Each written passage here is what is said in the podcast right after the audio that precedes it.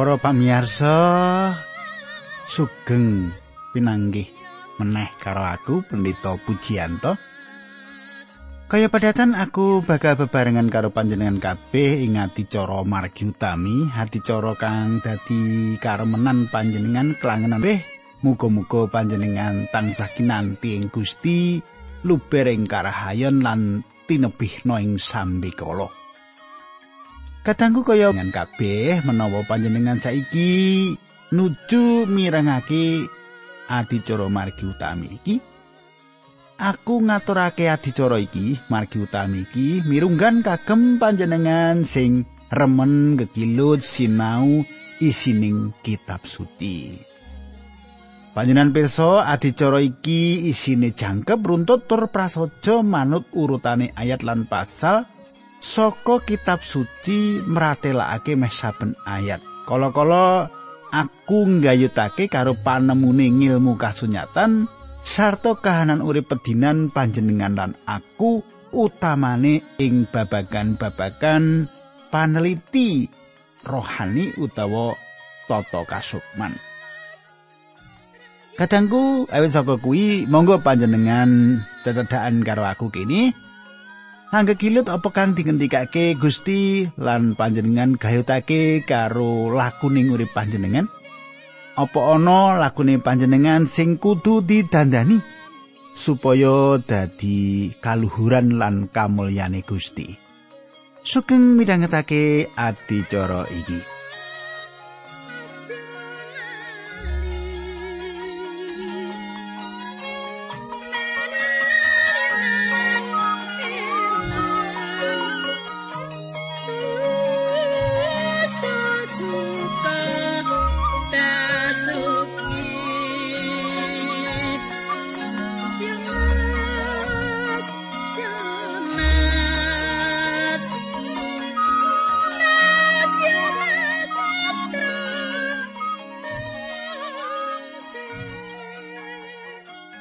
Mitraku kang dak tresnani kepungkur ing patemon kita panjenengan pirsa senajan Gusti Yesus iku Allah sing sejati jalaran saka kersane pribadi sumanggem mikul dosa kita supaya kita kawilujengake.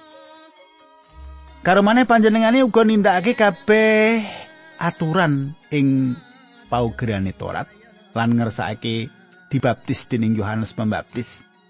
Sawise panjenengan nelokake kabeh pacobane iblis panjenengan cek pirsa iku ya.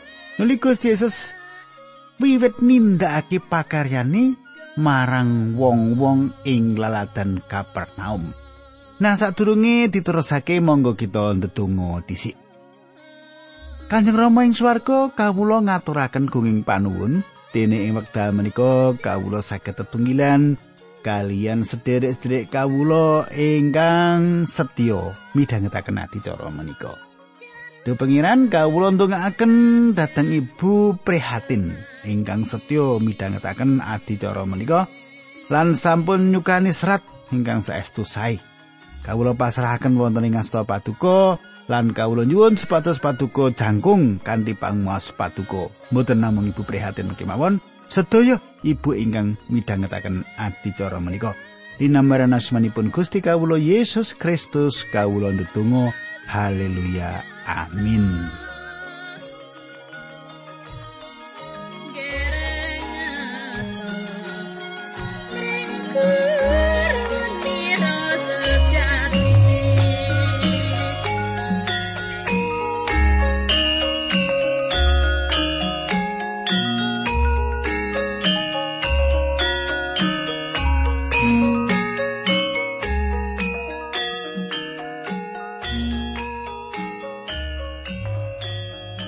Mitraku kang ndak tresnani bakal ndak terusake kepungkur aku wis teko Matius pasal papat. Saiki aku arep maca meneh. Matius pasal papat ayat rolas nganti telulas. Matius papat ayat rolas nganti telulas. Mengkini surasani. Bareng midanget yen Nabi Yohanes dikunjoro Gusti Yesus banjur nyingkir menyang tanah Galilea Panjenengane pindah saka kutha Nasaret lan dedalem ana ing kutha Kapernaum. Kutha kuwi dununge ana ing sak pinggire tlaga Galilea ing tanah Sebolon lan Naptali. Mangkono surasane Matius papat ayat rolas lan telulas. Nah, Yohanes Pembaptis kacepeng, kerangket, lan dikunjoro iku kabeh saka pakone Herodes. Anane Yohanes Pembaptis dirangket. Anane Yohanes Pembaptis dikunjoro iku saka pokal gawene Herodes. Nah, awit saka Yohanes Pembaptis dikunjara kuwi nuli Gusti Yesus nilarake Yerusalem. Jengkar saka Yerusalem banjur mindahake. Mindahake peladosane saka Nasaret kutha wiyosane menyang ing Kapernaum. Pancen, pancen ing Injil Matius ora njlentrehake, ora nyetakake, ora njelasake kanthi teliti kepriye enggone jengkaran Gusti Yesus saka Nazaret menyang Kapernaum ora diwenehi keterangan apa-apa ing Injil Matius iki. Panten saka patang Injil sing kasrat ing kitab suci ora ana sing padha persis. Ora klise. ora fotokopi sing ora ana beda lan gesek.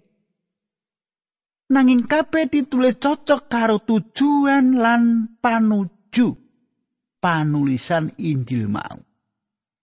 Dadi papat Injil sing kasrat ing kitab suci iki ora ana sing padha persis. Ora klise, ora kaya fotokopi sing ora ana beda lan gesek, ora. Nanging kabeh Matius, Markus, Lukas, Yohanes, Yohanan ditulis cocok karo tujuan lan panuju panulisane Injil mau alamat sing ditujokake karo Injil mau. Cetha nggih? Cetha kaya contone Injil Matius. Injil Matius ditujokke marang sapa?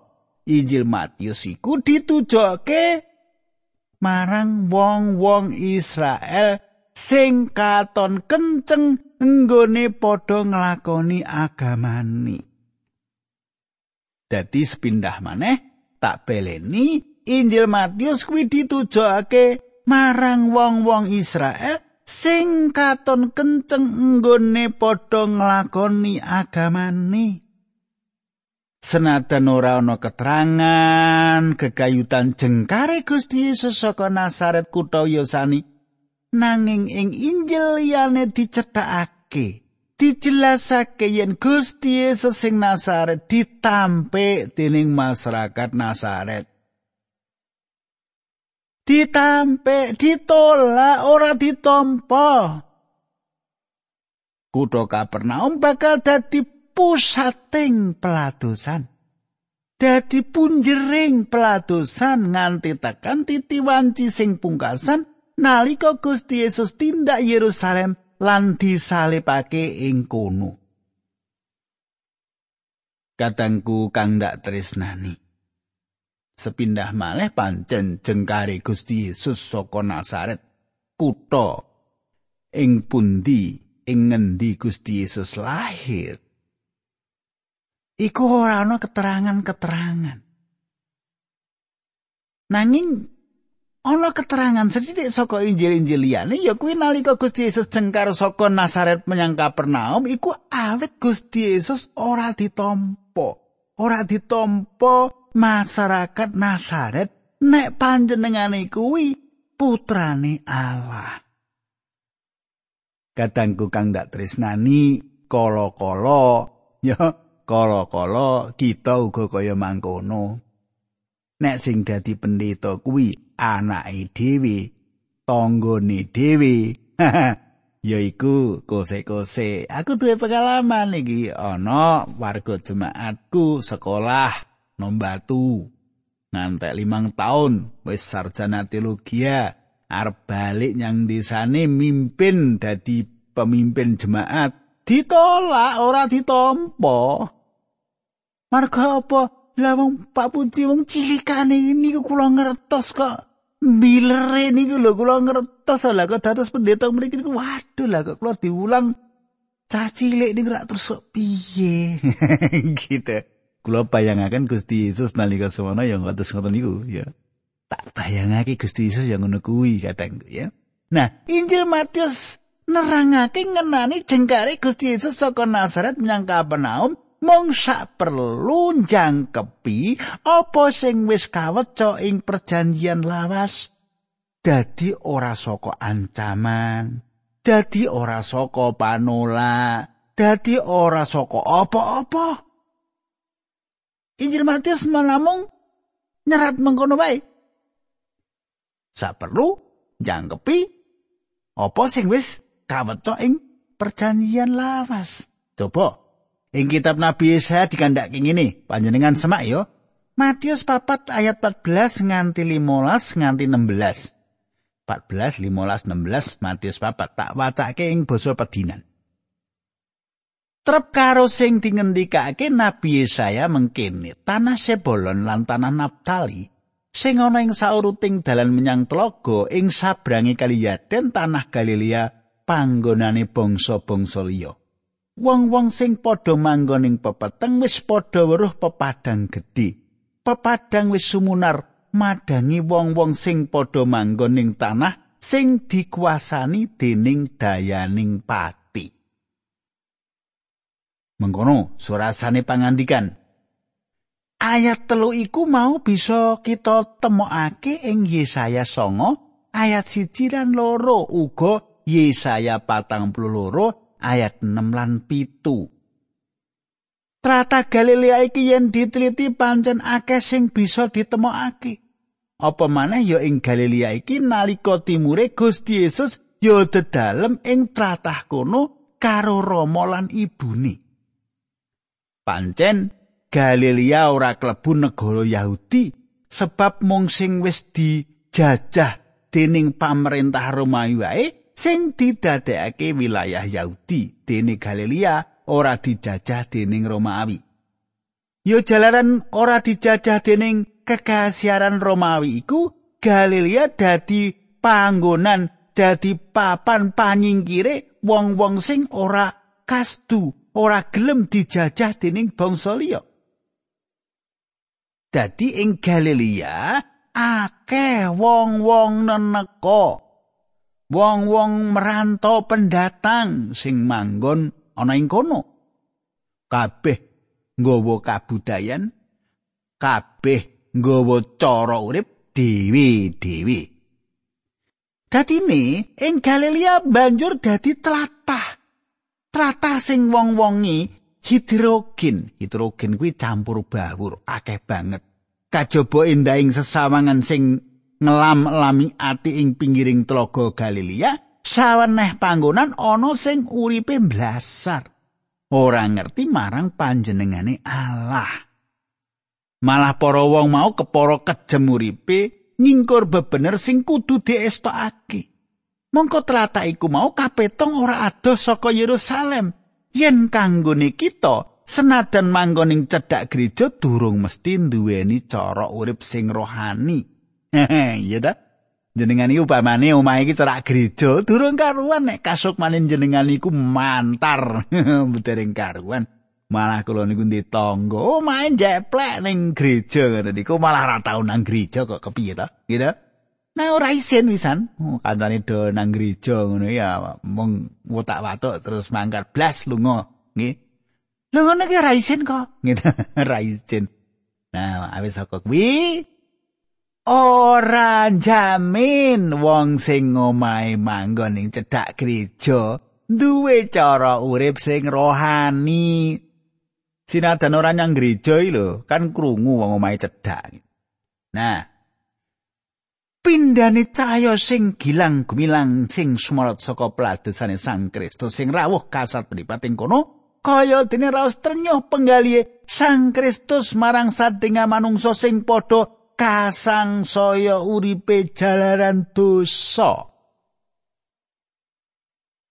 pindane cahya sing gilang gumilang sing sumorot saka peladosane Sang Kristus juru wilujeng sing rawuh kasat mripat ing kono kaya dene raos trenyuh penggali Sang Kristus marang sadengah manungsa sing padha kasang saya uripe jalaran dosa.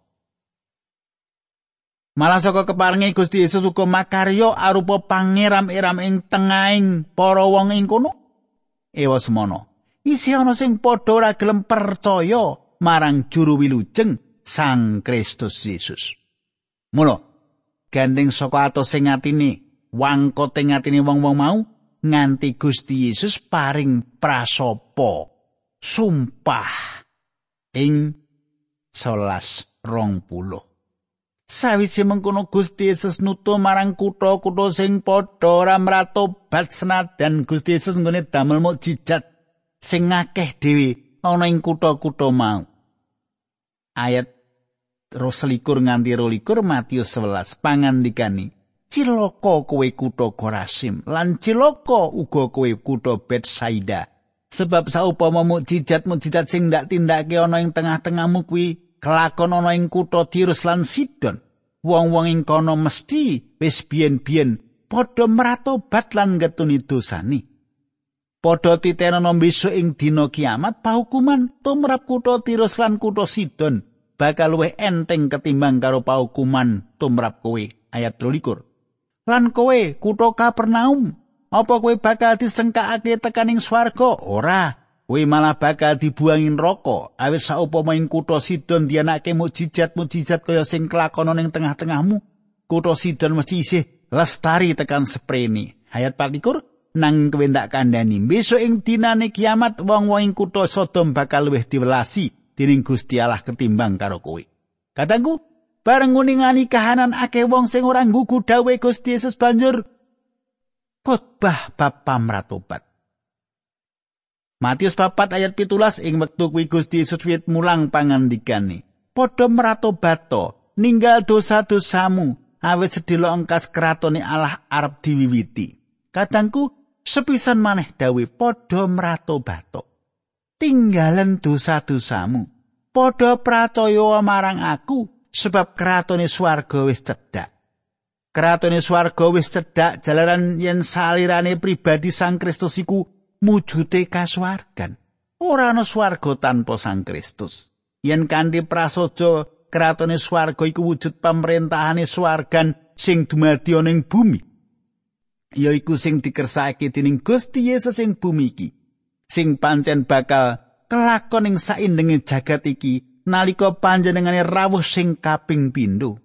Bumi iki bakal dadi swarga kanggo wong-wong para pracaya. Wong sing dipilih dadi kagungane mapan ing swarga ing salawase.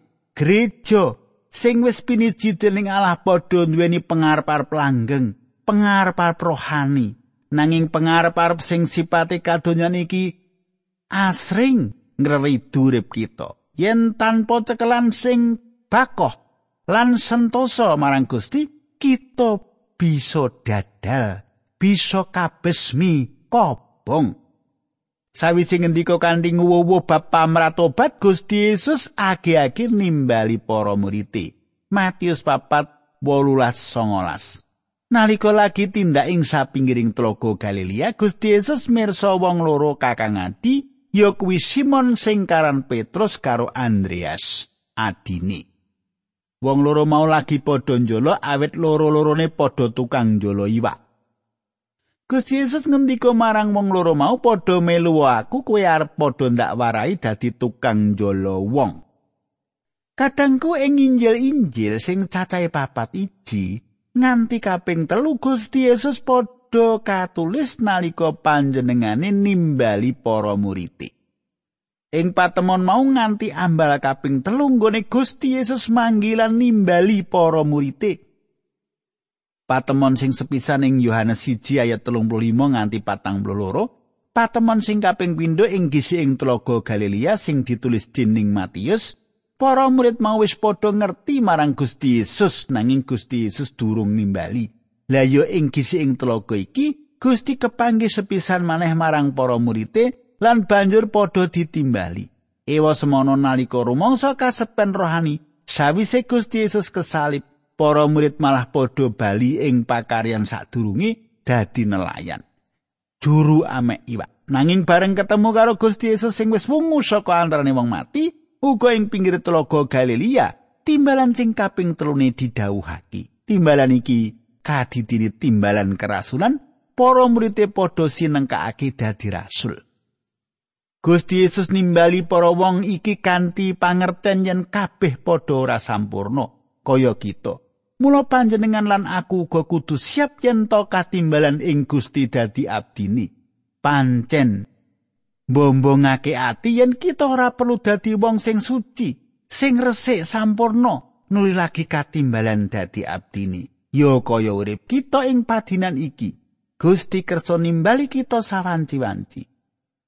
Panjenengan lan aku ora perlu dadi nelayan dhisik lagi ditembali kaya para murid nalika jaman semono ya ing kanan kita iki yen Gusti ngersakake ya kanthi Apa sing kita tindakake saiki yen Gusti ngersakake lan kita padha krungu timbalane mesti Gusti ora kawratan yen kita sumanggem ing pakaryani. Sing padha katimbalan inggal-inggal ninggal jalane sumrintil nderek timbalane Gusti. Matius 4 20 selikur rolikur. Sanalika jalane ditinggal banjur padha nderek Gusti Yesus.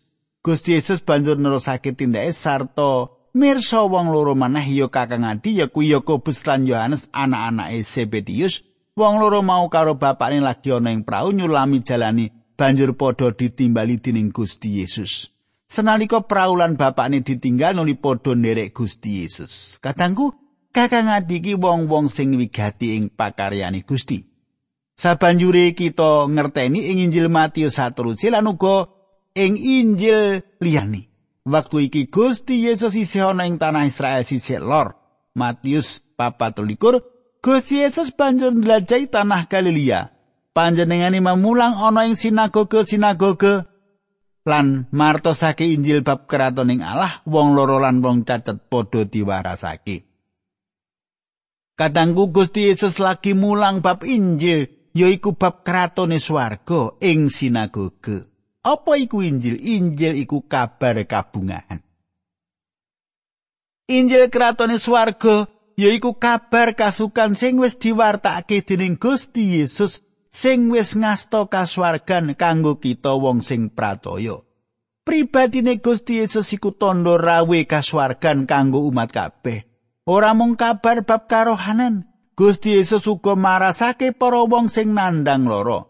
Ewon cacahe sing kapitulungan dening Gusti nuli kabar kasukan kabar kabungan lan nggone karya pangeram-eram nulungi para wong kasang saya ndadekake asmane sang saya kawentar asmane sang saya misuwur ing laladaniku. Ayat 4 likur. Kabar bab Gusti Yesus kuwi banjur sumebar satanah Syria kabeh nganti wong akeh padha suwan marang panjenengani wong loro lan wong nandang kasangsaran rupa-rupa padha disowanake kayata wong kesurupan, wong loro ayan lan wong lumpuh kabeh padha diwarasake dening Gusti Yesus. Dadi akeh wong sing padha kepencut lulut nderekake Gusti Yesus. Mitraku, coba panjenengan gatekke wong-wong iku. Ayat selawi. Nalika semono akeh banget wong sing padha nderekake Gusti Yesus, ana sing saka tanah Galilea, ana sing saka kutha Dekapolis, ana sing saka kutha Yerusalem, saka tanah Yudea lan iya ana sing saka tanah sabrange kali Yarden. Dekapolis iku sawijining wilayah sing ana 10 kutani. Ing sisih wetane Traga Galilea, sawetane kali Yarden, kaya sing wis ndak aturake akeh wong-wong manca saka Yerusalem. Yudea ing papan sisi kidul Palestina lan saka sabrange kali Yarden. Dadi wong-wong mau nggone nderek Gusti Yesus saka panggonan sing adoh saka kono. Ing Injil Matius iki ora nggambarake urut-urutane gesangi Gusti Yesus. Matius luwih njlentrehake Yesus Kristus Sang Raja sing kagungan otoritas, kagungan wewenang tumrap bangsa sing wis pinilih. Mula nyinau Injil Matius kanthi teliti. bakal ora kelangan makna, ora kelangan tujuan Injil Matius iki kasrat.